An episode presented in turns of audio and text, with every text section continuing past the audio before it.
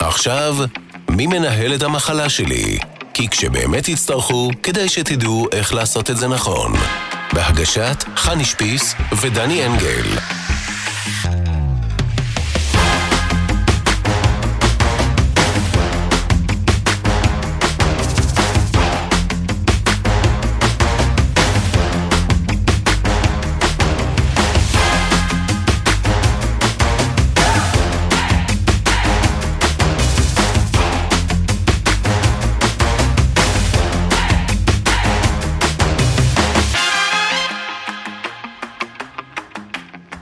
שלום לכולם. אה, והפעם, הפודקאסט שלנו בסדרת מי מנהל את המחלה שלי, יעסוק בנושא שכנראה כולנו מוטרדים ממנו, בתהליך אבחון המחלה. נמצא איתנו דני אנגל, מנכ"ל מדיקל, הרצליה Medical Center, ודוקטור יונתן ריק, מנהל היחידה שנקראת Medical Now. ואני רוצה לשאול משהו בתור אחת שמלווה עשרות מטופלים. אה, אני רואה ביקוש מאוד גדול לנושא של אבחון מהיר פרטי, ובכלל, סדרת הבדיקות שמלווה כל גילוי של מחלה, מלווה בהמון המון מורכבות במערכת הציבורית, המון זמן. ואני חושבת שאנשים הבינו שהם מעדיפים לעשות הכל במקום אחד ומהר.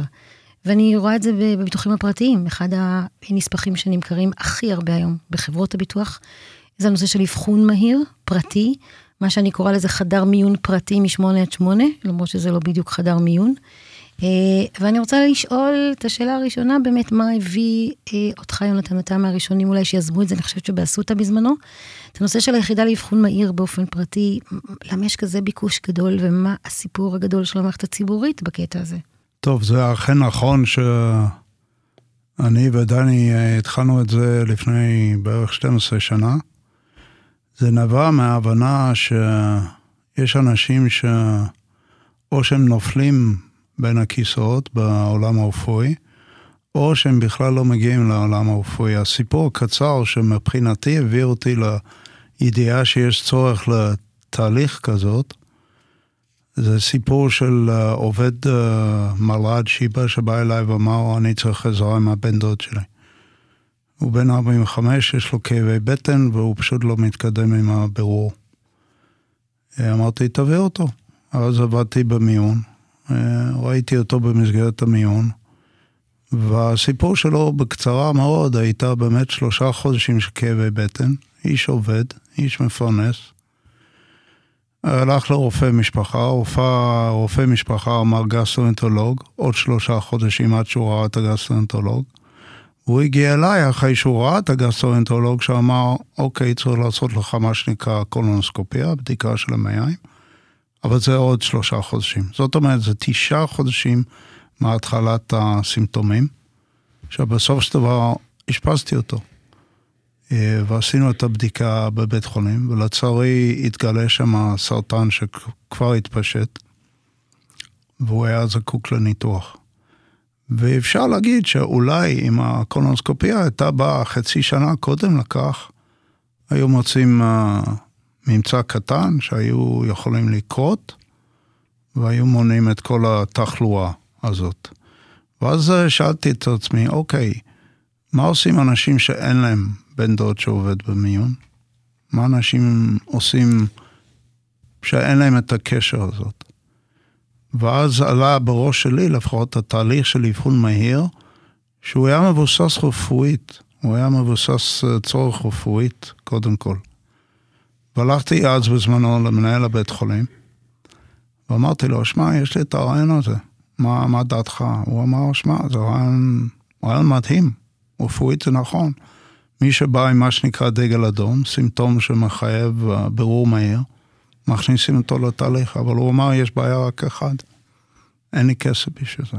לא ישלמו עבור זה, ויותר מזה. שהמטופלים לא ישלמו על זה. לא, הבית חולים, המערכת, לא ימצא את הדרך למצוא. כן.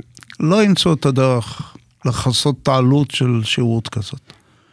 ולכן אה, אז בזמנו הכוכבים השתלבו, ופגשתי את דני אה, דרך אסותא, יחד עם חברת הראל. אנחנו התחלנו את האבחון מהיר, וזה באמת התחיל מאחד או שתיים ביום. לממדים מאוד גדולים, מאוד מאוד גדולים, כפי שאמרת. ואני חושב שזה עונה על צורך של אוכלוסייה מאוד רחבה. אני לא אוהב פרטי, אני לא אוהב את המילה פרטי. אני לא חושב שזה פרטי. מעל 60% מהאנשים במדינה הזאת שיש להם ביטוח שיכסה את השירות, אם לא יותר. אה, ויש להם גישה לזה, וזה נותן את, האפשרות בעיקר לקחת את אלה שצריכים רפואית בירור מהיר, בגלל שבלי הבחנה אתה לא יכול לטפל. אז הרבה ישאלו אותי מה ההבדל בין מיון לזה. אז אולי, קודם כל, כן. שלום, אני עוד לא הצגתי, לא דיברתי היום. בטח. אה, גם לא הצגנו את אה, דוקטור ריק, אני, דוקטור ריק הוא היה סגן מנהל המיון בשיבא. ואחר כך היה כמה שנים מנהל המיון גם בבית חולים ברזילי, אז הוא רופא בכיר וראה הכל בחדרי המיון. אמ, ואני חושב שהוא יודע לטפל או לאבחן את כולם, רק הוא צריך את הסיסטם מסביבו כדי שיאפשר לו את זה. ואני אשלים את הסיפור אה, של דוקטור ריק, כי עשינו את זה ככה ביחד, אז הפעם אני מרשה לעצמי להיות גם קצת מרואיין. בהחלט. אמ, צריך להבין שהיום בחדרי מיון אה, בישראל, בעצם המיון מתעסק בשאלה אחת, האם הסוגיה הזאת היא דחופה לאשפוז עכשיו, או שאנחנו בעצם מחזירים את החולה לקהילה. בסוף זה שאלה. מי שדחוף לטיפול עכשיו, אי אפשר לשחרר אותו, ייכנס למיון למערכות האשפוז, חדרי ניתוח וכדומה, וכל השאר יושבו לקהילה להמשך טיפול בקהילה. Uh, המספרים נכון להיום הם בין 70 ל-75 אחוז מהפונים למיון חוזרים לקהילה.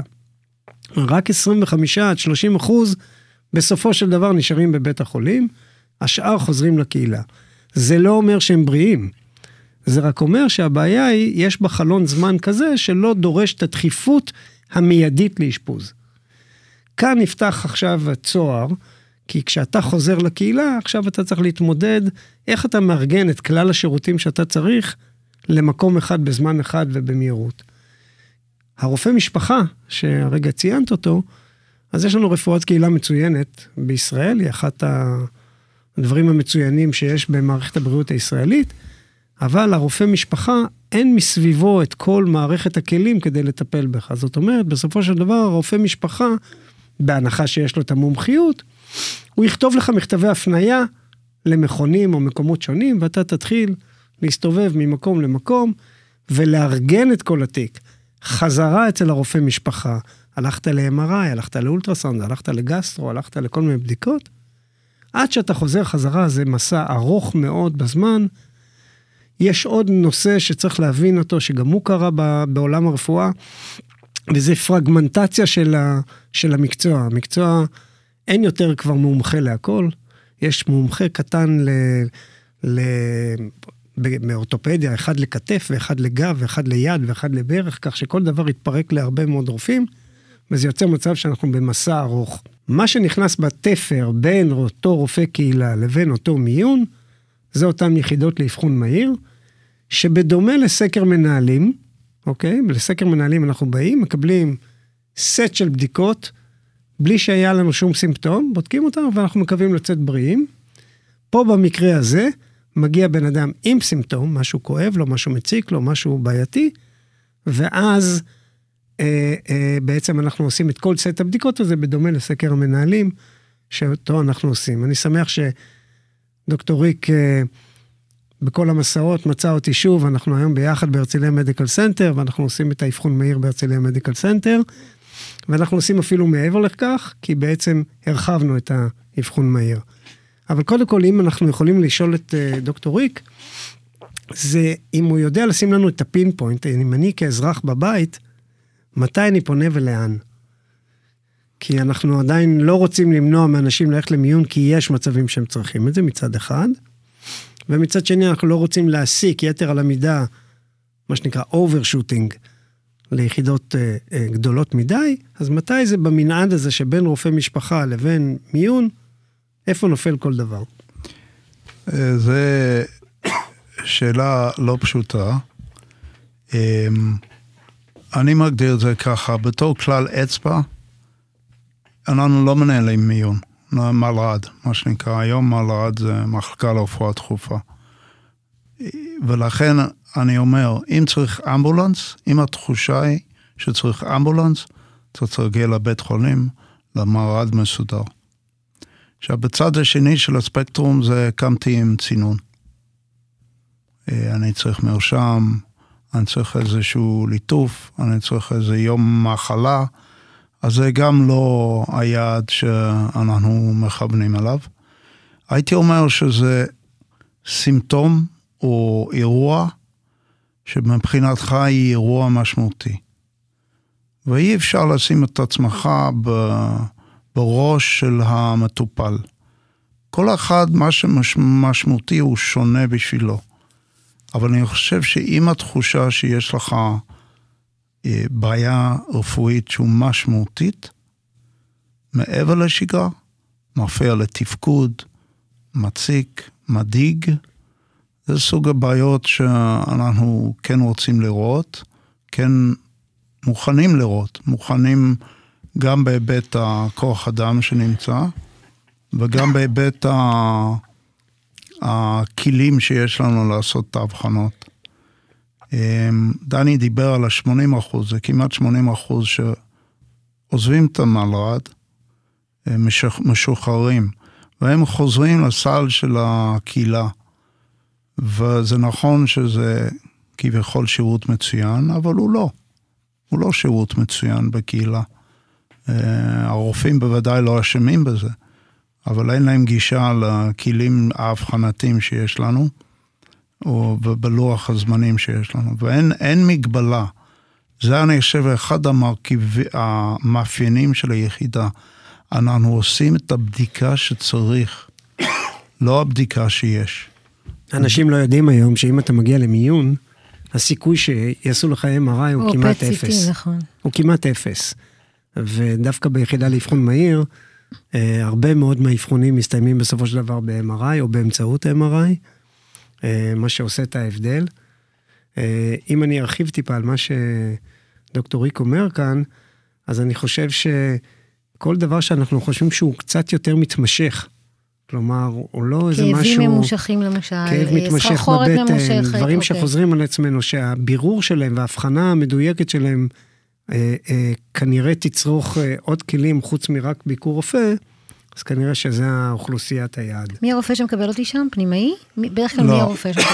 אה, אני צריך רופא שמרגיש נוח בלבדוק כל דבר שנכנס לדלת, זה דבר אחד.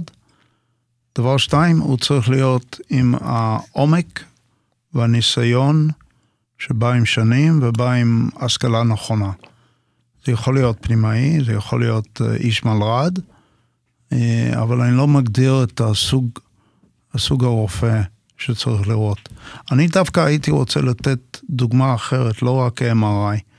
זה לא רק קיצור, אני לא רוצה שאנחנו... זה יישמע כמו קיצור תורים ל-MRI בדיוק. בדיוק, ויש abuse מוחלט. יש יותר מדי MRI שעושים בלי... סיבה. בלי, בלי תוצאה בסוף. אבל אני אגיד לכם משהו לגבי בעיות קרדיאליות. אה, מישהו שבא עם כאב חזה שנראה אולי קרדיאלי, אולי ממקור לב. אז בקהילה גם לא מאשים אף אחד, אבל הוא יתחיל עם אקו מאמץ, ואז אולי הוא יעשה מיפוי. אין לרופא הקהילה את האפשרות ללכת ישירות, איך אמר שודד בנקים, למה אני הולך לבנקים? בגלל ששם הזהב. אז אין לו את האפשרות, ואני למשל הרבה פעמים שולח ישר לצנתור וירטואלי. והיו לנו כמה וכמה מקרים. שזה עשה את ההבחנה, ההבחנה שהוא מציל חיים. אה, והיכולת, החתונה הזאת בין מרכז רפואי שמאמין בשירות הזאת ומאמין ברופאים ונותן להם את היד חופשי, אז החתונה בין רופא עם הרבה ניסיון, שיודע מה צריך לעשות, והיכולת, מביא לתוצאות אה, מצוינות בזמן קצר, מבחינת אבחון. תגידו, מרבית האנשים שעוברים אבחון מהיר וצריכים המשך טיפול, נגיד ניתוח, טיפול, תרופה, חוזרים לציבורי? זאת אומרת, המערכת הציבורית מקבלת את ההמלצות? אז אני חושב שכאן אולי כדאי לשים את הפין פוינט, אגב, על ההבדל קצת בין מדיקל נאו, שזאת אותה הרחבה שעשינו אה, למה שנקרא אבחון מהיר. זו יחידה מהיר, חדשה יחסית. זה הרחבה של היחידה של האבחון מהיר, ובואו רגע ננסה רגע טיפה להסביר. אה, באבחון מהיר אה, יש רופא, כמו שתואר קודם, הוא רופא מומחה ברפואה דחופה, רופא פנימאי, או כמו שדוקטור ריק אמר, קודם כל רופא שמוכן לקבל את כולם, זה תנאי מרכזי. אבל נכון להיום הכיסויים הביטוחיים, ואולי חשוב, אולי בהזדמנות זו כדאי להגיד על זה מילה. בסופו של דבר, כשאתה נכנס למערכת רפואית ואתה לא יודע לאיזה בדיקות אתה תופנה, אז זה יכול להיות אירוע כלכלי משמעותי. וכאן תוכניות ביטוח עושות עבודה טובה, כי בעצם זה בדיוק המקום. במקום שאתה, יש לך אי ודאות לגבי עלות כספית, התוכנית ביטוח נותנת לך ודאות. אבל הוודאות שחברות הביטוח כרגע נותנות בתוכנית ש... כמו שדוקטור ריק אמר, השקנו אותה לפני בערך עשר שנים, ומאז היא קיימת בכל חברות הביטוח, היא מכסה עד גבולות מסוימים, והגבולות האלה כוללים רק רופא מלר"ד כזה או רופא כללי. כשצריך לעבור לרופא אה, אף אוזן, גסטרו, אה, אה, כירורג כללי או, או, או רופאים מהסוג הזה, כאן נגמר הכיסוי, וכאן בעצם אנחנו פתחנו את המדיקל נאו, זאת אומרת, על מנת להרחיב עוד יותר את האפשרויות שיש לאותה יחידה, אז אם קודם היו אמצעי אבחון, עכשיו יש גם רופאים נוספים, ובעצם מסביב לאותה יחידה לאבחון מהיר יש 200 רופאים מומחים ממקצועות שונים, ש available במסלולים מהירים כאלה או אחרים, אמ, להמשך הטיפול הלאה. לגבי ניתוח, אני שם פה רגע stop, כי ניתוח זה כבר בתוכניות ביטוח הניתוחיות, וזה כבר לא קשור לאבחון מהיר או אבחון גם אם הוא יהיה אבחון כירורגי. צריך להיות דרך המשלים או דרך הפרטי. נכון, אז זה, זה כבר מקום אחר, אבל נכון להיום בעצם אנחנו הגדלנו את ה range שנוכל לטפל בחולים. הרעיון המרכזי הוא בעצם מתבסס על שתי רגליים. רגל אחת זה case management, דיברנו על זה אולי בפודקאסט הראשון. שנוכל לנהל את החולה, והרגל השנייה זה שנוכל לעשות את זה מהר. וכדי ששני הדברים האלה יקרו יחד, צריך מימון. כאן נכנסות התוכניות ביטוח, ובעצם ברגע שיש לנו מימון, לנו יש את היכולות לעשות את ה-case management ואת המהירות, מכאן החולה מקבל שירות מצוין. אה, ונכון להיום אנחנו עושים את זה בהיקפים די נרחבים, וזה הולך וגדל כל הזמן, ואני חושב שזה יהיה תמיד בפונקציה הפוכה למצוקה של המערכת הציבורית. לא, רציתי לשאול מה הסיכוי שזה ייכנס למערכת הציבורית, מערך מהסוג הזה. זה נכנס קצת, אני חייב להגיד. כי זה יכול לחסוך להם הרבה נכנס, מאוד כסף. זה נכנס קצת, אני חייב להגיד. אה, מאז שדוקטור ריק הציע את זה לאותו מנהל, אז התחלף מנהל שם. אה, אבל יש נקודות מסוימות, ממש נקודתיות, שזה קורה בתוך מכון אונקולוגי, הערצה בתוך מכון אונקולוגי, אבל זה ממש ממש נקודתי, זה כשהחולה הוא כבר כן מאובחן, אבל הוא צריך לרוץ מהר. לצערי, אני חושב שהמערכת הציבורית... תתקשה הוא, לעשות הוא, את זה. הוא נאבק מול דברים, היא, אני, אני נזהר במה שאני אומר, אבל יותר עקרונים. כמו לטפל במולטי טראומות ובאירועים באמת דחופים, שגם שם אנחנו מול משאבים מוגבלים. כי כמו שאתה אומר, אה, אבחון מאוחר מביא לסיבוכים שעולים לקופות החולים הרבה יותר כסף. לחברה. בכלל. אם, אם מישהו היה עושה... אני לא מצליחה להבין למה זה לא התחנה הכי אז, חשובה בקופות החולים. אז אני מחזיר לבחור הזה בן 45, שבמקום להיכנס אה, ערב בדיוק. אחד לקולונוסקופיה ולמחרת לחזור לעבודה, הוא לא עובד שנה. וזה קורה הרבה. הנפילות האלה בין הכיסאות בגלל אבחון מאוחר. יכול להיות. לגמרי, אז אולי זה המסר שלכם. בסופו של דבר, כן. לנו המטופלים קשה קצת אה, לדעת מתי זה סופר דחוף ומתי זה קצת פחות דחוף, אני חושב. אבל מיון, תפקידו זה לדברים שצריכים טיפול מיידי. דימום, סטרוק, התקף לב, דברים מהסוג הזה, אה, צריכים מיד מיון, אסור לדלג על זה, חובה לגשת ומהר ככל הניתן. ברגע שנפתח חלון זמן, המערכת מסתבכת. כי ברגע שזה לא מטופל ישירות במיון, מכאן מתחיל הסיאוב של המערכת והבירוקרטיה שלה, וזה המקום שבו בעצם מי שמעוניין, או מי שיכול, צריך לשקול את השירות הזה של אבחון מהיר, כי פה הוא ירוץ הרבה יותר מהר ויקבל בסוף את המזור שלו הרבה יותר מהר, גם יותר טוב וגם יותר מהר. אז רק לסיכום למאזינים, היחידה לאבחון מהיר פועלת היום בבתי החולים הפרטיים, ניתנת לרכישה ככיסוי בחברות הביטוח. כיסוי מאוד זול בעלות שלו, מאוד חשוב ברמת האבחון.